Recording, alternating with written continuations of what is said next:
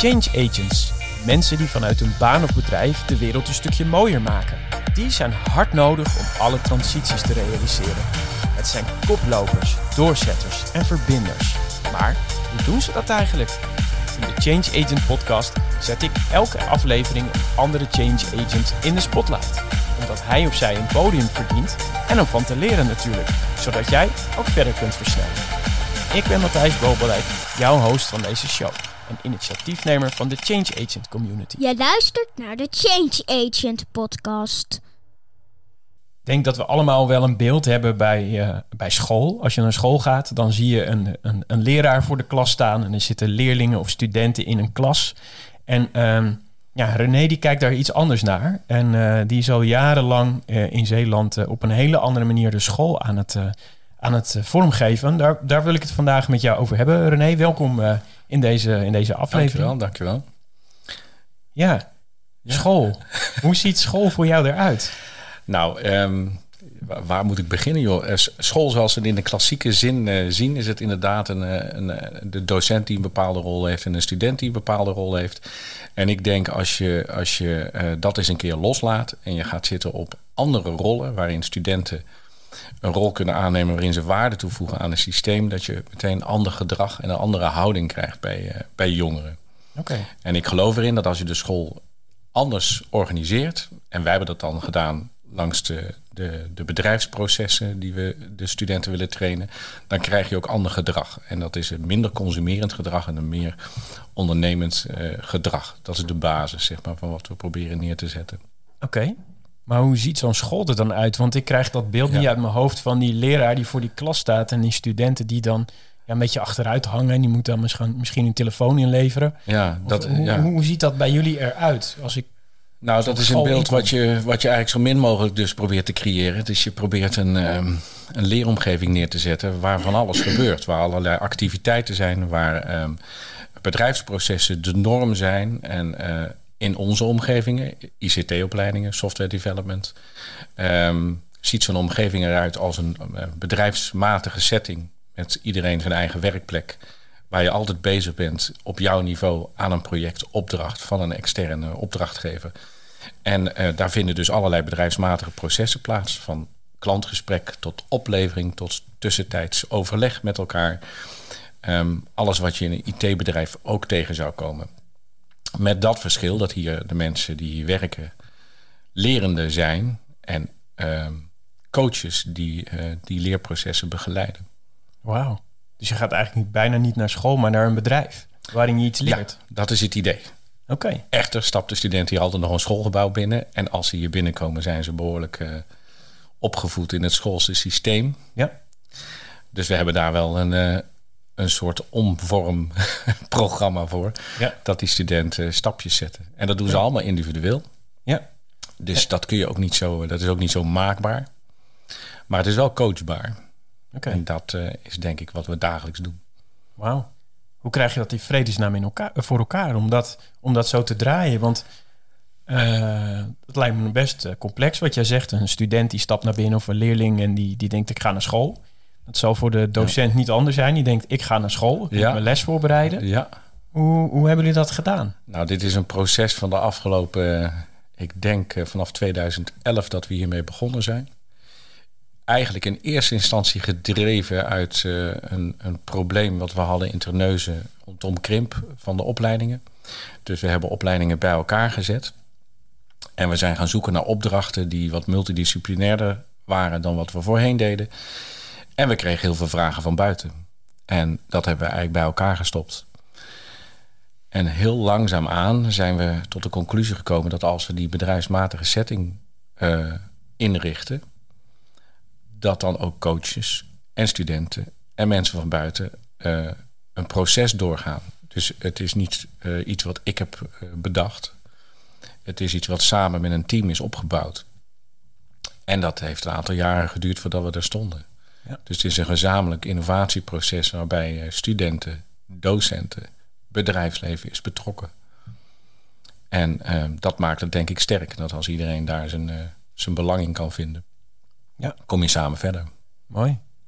En uh, de rol van de student, kan je daar iets meer over vertellen? Want je zei net al even van eh, ja, als je ze naar school eh, laat gaan, hè, dan gaan ze eigenlijk zitten consumeren in een, in een traditionele setting. Ja, zo komen ze natuurlijk ook binnen. Hè? Dat, eh, het consumerend gedrag is behoorlijk getraind.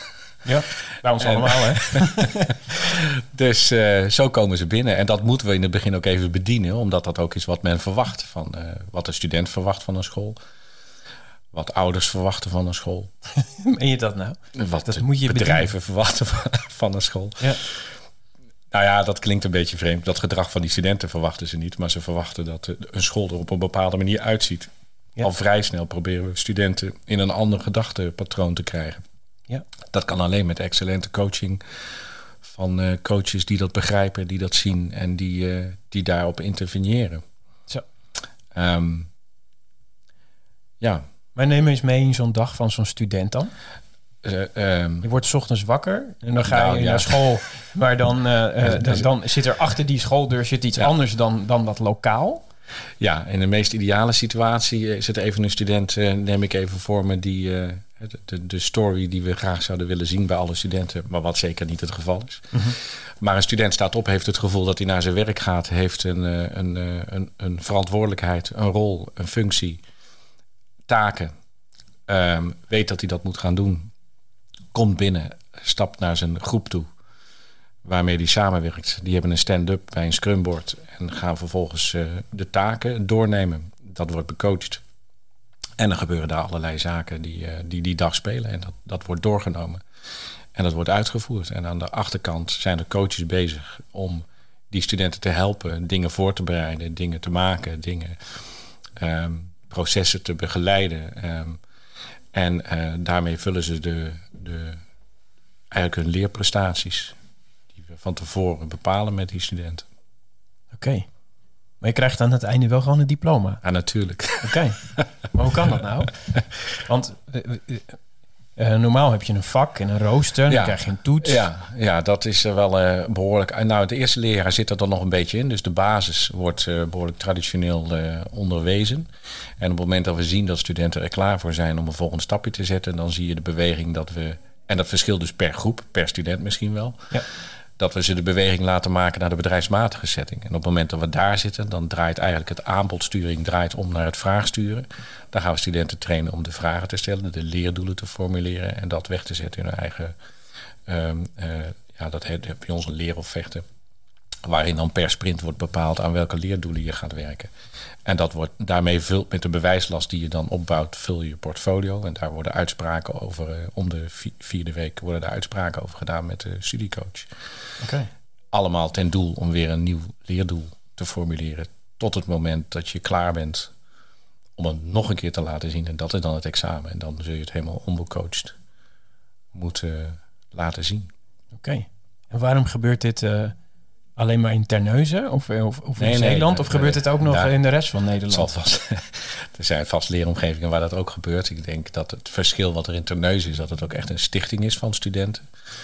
Dus we hebben een aantal jaren geleden een hebben studenten een stichting opgericht met als doel het verrijken van de leeromgeving door met externe vraagstukken aan de, aan de slag te gaan. Daarmee runnen ze dus ook die hele omgeving. En dan moet je je voorstellen, dat zijn ongeveer 80 studenten die, eh, die in die leeromgeving zitten. Eh, we hebben nog meer leeromgevingen in Vlissingen. En die zijn allemaal wat anders ingericht. Er zijn geen stichtingen. Ehm, en in sommige leeromgevingen hebben we studenten wel in een organiserende rol zitten. En in andere leeromgevingen niet. Een beetje afhankelijk van de context. En, eh, en van het docententeam wat er omheen zit, die ook hun eigen visie daarop hebben. Oké. En, en hoe is dit eh, in 2011 gestart? Want ik, dit, dit is natuurlijk de Change Agent podcast. En Ja. Change agents die herken ik aan het feit dat ze zeggen... het kan toch niet waar zijn dat? En dan maken ze die zin af en dan Ja. komt er iets. Eh, hoe zou Nou, jij de, die zin de, de, afmaken? de verwondering. Ja. ja. Nou, eh, eh, dat- start denk ik bij het gevoel wat je zelf hebt om ehm, het onderwijs te veranderen. Dat is natuurlijk wat ik zelf heb meegemaakt als, als leerling. Waarbij ik altijd het gevoel heb gehad, er wordt niet uit mij gehaald wat erin zit. En dat ben ik pas gaan ervaren toen ik aan de slag ging. En toen begon ik terug te redeneren, wat is er nou eigenlijk misgegaan op die school? ja. Waardoor dat er niet uitkwam. En waardoor ik dat gevoel niet had dat ik gewaardeerd werd. En eh, om de kwaliteiten die ik had. En ehm, dan zag ik in het mbo de meeste ruimte om daar iets mee te doen. Ja. En eh, die ruimte is er. Ja. En zeker als je... Ja, dat, dat scheelt natuurlijk per organisatie. Maar binnen Scalda wordt die ruimte je echt gegeven en gegund om daar iets mee te doen. En eh, hoe we begonnen zijn is met de studenten. Dus het, de dialoog met de studenten aangaan. Hoe gaat het met jullie? Wat vinden jullie van de opleiding? Wat zouden we beter moeten eh, kunnen doen? En welke rol willen jullie daar zelf bij spelen? En die laatste vraag, die wordt denk ik niet zo vaak gesteld. Nee. En dan komt er ineens een heel verhaal uit. Want die studenten zijn echt wel gewend om eh, proactief te handelen. Dat zie je vaak in hun stage of dat zie je op de bijbaantjes die ze hebben. Of het gedrag wat wij zien bij studenten in een leeromgeving, zoals we die uh, in de klassieke zin kennen, is vaak consumerend. En ik denk dat we dat gedrag zelf veroorzaken. Ja. En ik, werd een, ik kreeg energie daarvan. Dus toen zijn we uh, in contact gekomen met uh, Wim van der Zwan. Dat is een inmiddels met pensioen inspira inspirator voor mij. Dus eigenlijk ook een change agent. ja. En die had zo'n model draaien bij het Groen College in uh, Goes, waarin verschillende stud uh, studentenstichtingen waren. Dat heette regioleren, dat model. Oké. Okay. En dat hebben we eigenlijk geadopteerd en daar zijn we mee op door gaan bouwen. En ehm, ja, dat is waar, waar we nu staan. Is waar we nu staan. Dus de sleutels daar zitten eigenlijk toch bij die, bij die leerling, die student. Want ik, uh, ik merk... Ja, het is, het, ik, ik denk dat het nooit bij één persoon ligt. Het is, het, ik geloof echt in een, uh, in een co-creatie. Dus het, het meest ideale is dat er uh, een goed samenspel is tussen studenten, docenten, leidinggevende management, bedrijfsleven. Misschien overheid daar ook nog even bij. Mm-hmm. Maar als daar de neuzen dezelfde kant op staan om de verantwoordelijkheid te pakken om gezamenlijk een echte leeromgeving te bouwen waar ook echt iets gebeurt. En waarin vraagstukken, waar, uh, aan de hand van vraagstukken, maatschappelijke vraagstukken of opdrachten van, van echte klanten liefst, of van echte uh, eigenaren van vraagstukken, die omgeving binnen kan trekken, dan is in ieder geval de, de, de realiteit, de authenticiteit, de urgentie, komen allerlei uh, trucjes naar voren die je kan toepassen. Ja. Om die studenten in een andere houding te krijgen.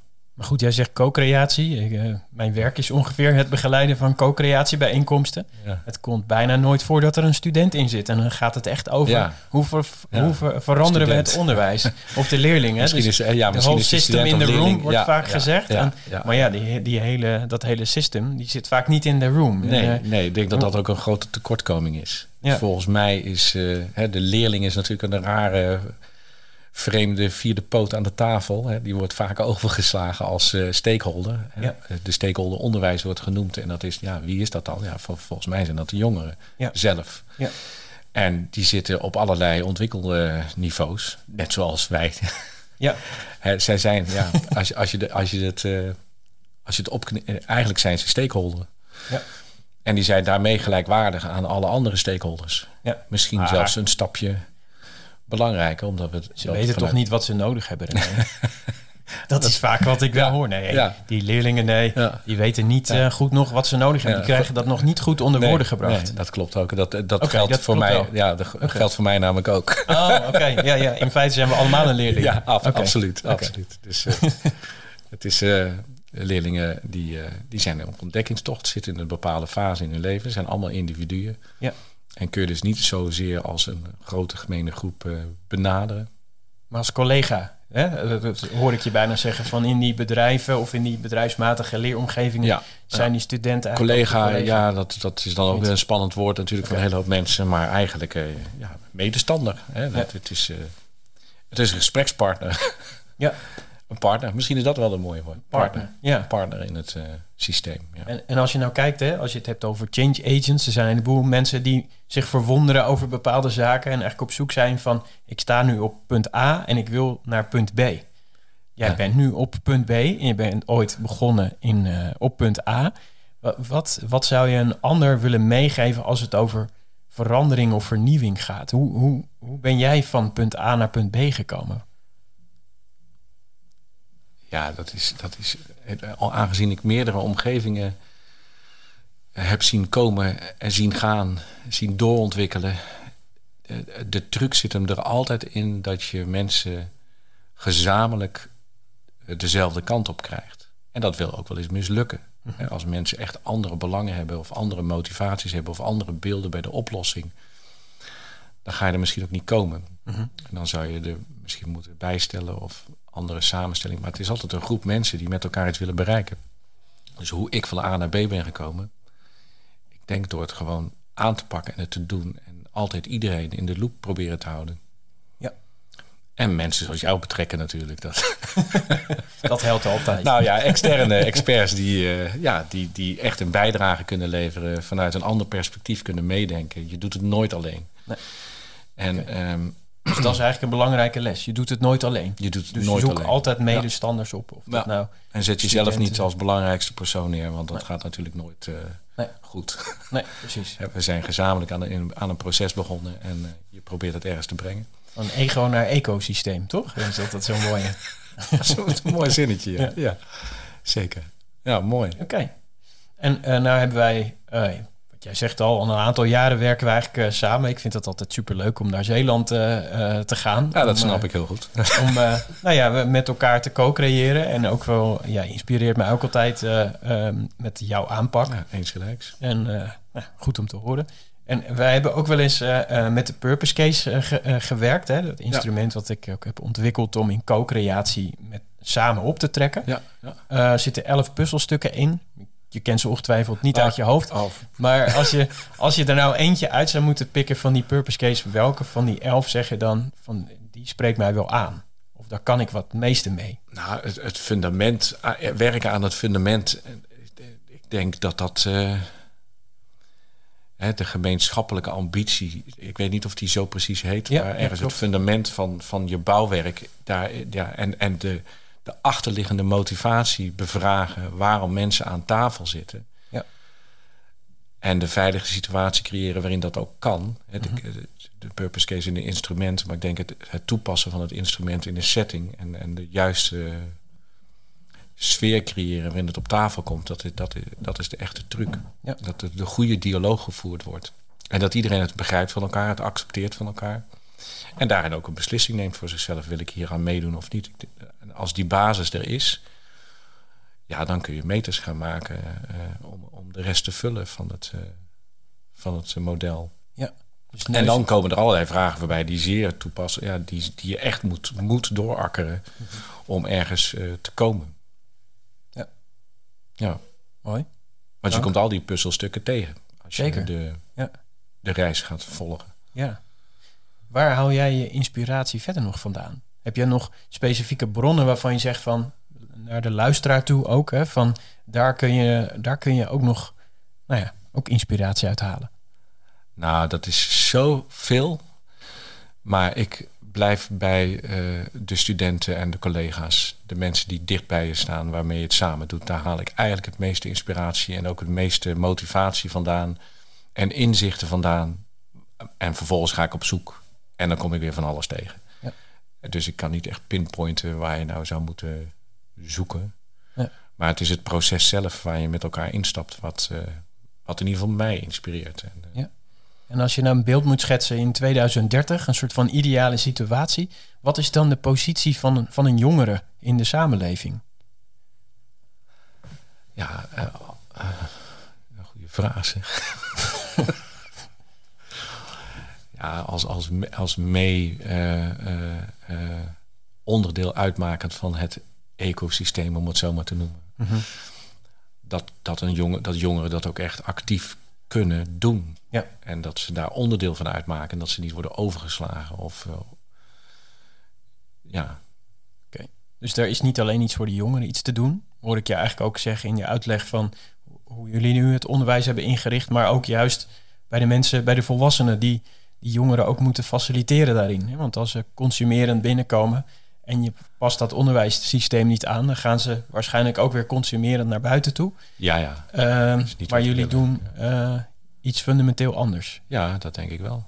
Ja. Eh, Studenten die bij ons van de opleiding afkomen en eh, die hebben een andere, andere set skills meegenomen. Ja. En die, die kunnen ze direct toepassen in het, in het beroepenveld. Ja. En hoeven zich niet pas na de studie af te gaan vragen eh, of dat bij ze past of niet. Want dat hebben ze al kunnen ervaren. Mooi. René, als je het hebt over die verschillende rollen, hè, de rol van de student, maar ook de rol van de docent, kun je daar, je had het ook over bedrijven trouwens nog, kun je daar iets meer over vertellen? Hoe, hoe doen jullie dat? Hoe organiseren jullie dat? Ja, we hebben een model, uh, dat noem ik even voor het gemak uh, het gouden vierkant. Um, wat we daar doen is de, de vier rollen die in ons onderwijs uh, belangrijk zijn, zijn de rol van opdrachtgever, de rol van expert, de rol van coach en de rol van medewerker. En als ik daar even, ja, als ik daar even op inzoom, dan, dan zien we dat die rol van opdrachtgever, iets wat in het traditionele onderwijs bijna niet voorkomt, vaak de docent die die rol dan oppakt of speelt. Die rol van opdrachtgever is dus iemand uit het bedrijfsleven die een bepaald vraagstuk heeft en die dat in wil brengen in die omgeving. Kan ook overheid zijn. Het is in ieder geval een eigenaar van een vraagstuk. En dat vraagstuk bij ons in onze context is natuurlijk, uh, gaat het over een oplossing in de ICT. Of in ieder geval in de technologie. Uh, dat kan een andere context zijn dan techniek. Dat kan uit de zorg komen, dat kan uit het onderwijs komen. Het is belangrijk dat die studenten dat, dat zien en dat weten, want dan zien ze ook dat waar ze straks gaan werken uh, een hele andere context kan zijn dan de context waar ze nu in zitten. Langs de andere kant hebben we een rol die heet dan de expert. Wordt ook vaak in het verleden in ieder geval uh, alleen maar door de docent uitgevoerd. Nu hebben we daar ook bedrijven die rondlopen in, het, uh, in de leeromgeving. Die die expertrol ook voor in rekening nemen. Dus mensen van buiten die de expertise hebben om dat vraagstuk op te lossen. Nou, de student hebben we het net over gehad, die zit dan in een, eigenlijk een medewerkersrol, heeft er een bepaalde functie, bepaalde taken, bepaalde leerdoelen en coaches die het hele proces uh, aanjagen en, uh, en uh, faciliteren dat het, dat het leren plaatsvindt en dat ook de leerwinst gemeten wordt en dat leerdoelen worden bepaald. Dus die vier um, rollen zijn vrij belangrijk in ons systeem. Oké, okay. en Waarom is dat dan? Hè? Want ik kan me ook voorstellen, en dan moet ik even terug naar dat ik zelf uh, vroeger op school zat. Of nee, misschien een recenter voorbeeld. Dat, is, dat werkt altijd wat beter. Ik was een keer opdrachtgever, zeg maar, vanuit mijn, vanuit mijn bedrijf Nieuw Business Lab. Deden een aantal studenten deden onderzoek voor mij. Ik was de opdrachtgever. En, maar niet bij ons, hè? Niet bij jullie, nee, nee, nee. nee bij een, bij een hogeschool. ja, ja, je schrok even. Van, die hadden we niet, uh, in, in, niet op het in beeld. Nee, nee. nee en, en, en wat er toen eigenlijk gebeurde, dat, dat ik het best lastig vond als opdrachtgever... Ja. om ook in die opdrachtgeversrol ja. te blijven. Dat ja, ik daar moet je in blijven. Van, ja, van, ja, maar... Uh, Voor je het weet word je coach. Ja, precies. ik vroeg mij als opdrachtgever af van... maar leren ze nog wel iets? Terwijl eigenlijk is, uh, moet ik alleen maar sturen op... ik wil gewoon mijn oplossing die ik gevraagd heb. Ja, en ook dat is tricky. Okay. Want de vraag is, leveren wij producten of zijn we bezig om studenten een leerervaring te gunnen? Dus aan de voorkant maken we goede afspraken met opdrachtgevers van wat hun rol in, de, in ons onderwijssysteem eigenlijk inhoudt. En um, dat moet wel even goed afgekaart worden, want uh, als je er te productgericht in zit, dan kan het wel eens vies tegenvallen, omdat die studenten in een leerproces zitten. Wij garanderen dus geen uh, uh, perfect eindresultaat. Oké. Okay. Um, en het is belangrijk dat die rol inderdaad, dat de rollen uh, daar blijven zitten waar ze horen. En dat een, een opdrachtgever niet gaat coachen. Ja, maar wat vinden die opdrachtgevers of die bedrijven daarvan? Ik kan me voorstellen dat er een bedrijf ja, komt die zegt: Ik wil een nieuwe website. Ja, dat vinden ze ingewikkeld. Okay. En sommigen haken af aan de voorkant, omdat we dat dan duidelijk maken. Sommigen doen mee en tuimen erin. maar de meesten ja. die, uh, die begrijpen dat en vinden juist de meerwaarde van het. Uh, van de, de, denkpatronen van die jongeren belangrijk. Want het geeft ze in ieder geval iets. Ja. Het kan leiden tot een opdracht die ze dan uh, weer elders gaan uitzetten. Of tot inzichten die ze nog niet eerder hadden. Maar die jongeren die, uh, die hebben natuurlijk toch andere beelden. Die uh, echt wel bijdragen aan, ja, aan een oplossing van het probleem van die opdrachtgever. Ja, precies. En we hadden het net al even over de purpose case en de puzzelstukken. En dan vraag ik me altijd af met welke intentie zit iemand aan tafel. Wat zijn over het algemeen de intenties van die opdrachtgevers als die bedrijven? Zoeken ze naar een echte oplossing of die frisse blik van die studenten? Of heeft het nog andere uh, redenen? Waar we mee in zee gaan is dat, ja. En als een, als een opdrachtgever, uh, nogmaals, als die er heel erg, ik wil een product, dan, dan zeggen wij nou, daarvoor hebben we het bedrijfsleven. Ja. En, um, dus het zijn wel, we zijn wel echt op zoek naar iemand die die rol goed invult. Ja. En langs de achterkant wordt er soms wel even contact gezocht. Hè, buiten de leerling om van goh, je mag best even streng zijn, want de student heeft iets niet opgeleverd. Of dat de urgentie hoger wordt. En Ja. dat er, eh, een, eh, dus dat is wel een heel systeem wat er, eh, wat er draait. Maakt het overigens voor de becoaching niet makkelijker. Want die coach coacht dus niet alleen die student. Die Maar ook die ondernemer. coacht ook die ondernemer. En Wauw. coacht feitelijk ook die, die expert. Ja. Want een expert is vaak niet degene die echt alle didactische eh, of pedagogische vaardigheden heeft om eh, op de juiste manier met die jongeren bezig te zijn. Dus daar moet echt wel een docent naast staan. En even kijken of ik het nog begrijp, die rol van die expert. Dus stel, ik ben een opdrachtgever, ik wil graag een nieuwe website. Ik kom bij... Nou, bij websites kunnen we dan nog wel, maar als het een complexe verhaal wordt. Dus, eh, maar die expert is toch altijd? Dus stel, je, je hebt dan bijvoorbeeld een Ja. WordPress-expert. Dus dan, Ja, maar dat kan, dat kan een docent nog wel doen. Oh, oké. Maar Ja. eh, eh, we hebben natuurlijk ook eh, technologieën waar we mee in aanraking komen, die wij niet, waar we de expertise niet voor in huis hebben. Ja. En dan wordt het interessant om iemand vanuit het bedrijfsleven in te vliegen. Ah, en hoe houden, waar houden die experts dan vandaan? Ja, uit ons netwerk. Dat, dat, dat zoeken soms. Maar Ja. over het algemeen is ons netwerk al wel zo sterk dat we wel weten waar we kunnen aankloppen voor bepaalde technologieën. Kan ook zijn dat de opdrachtgever een expert rol eh, in zijn bedrijf heeft die die meeneemt. Oh, wauw. Dus zo heb je wel echt heel actueel onderwijs. Hè? Dus als je het Ja. hebt over artificial intelligence of Ja. andere Ja. cloud-achtige oplossingen, dan kun je al een expert van buiten eigenlijk direct invliegen. Ja, dat is het idee.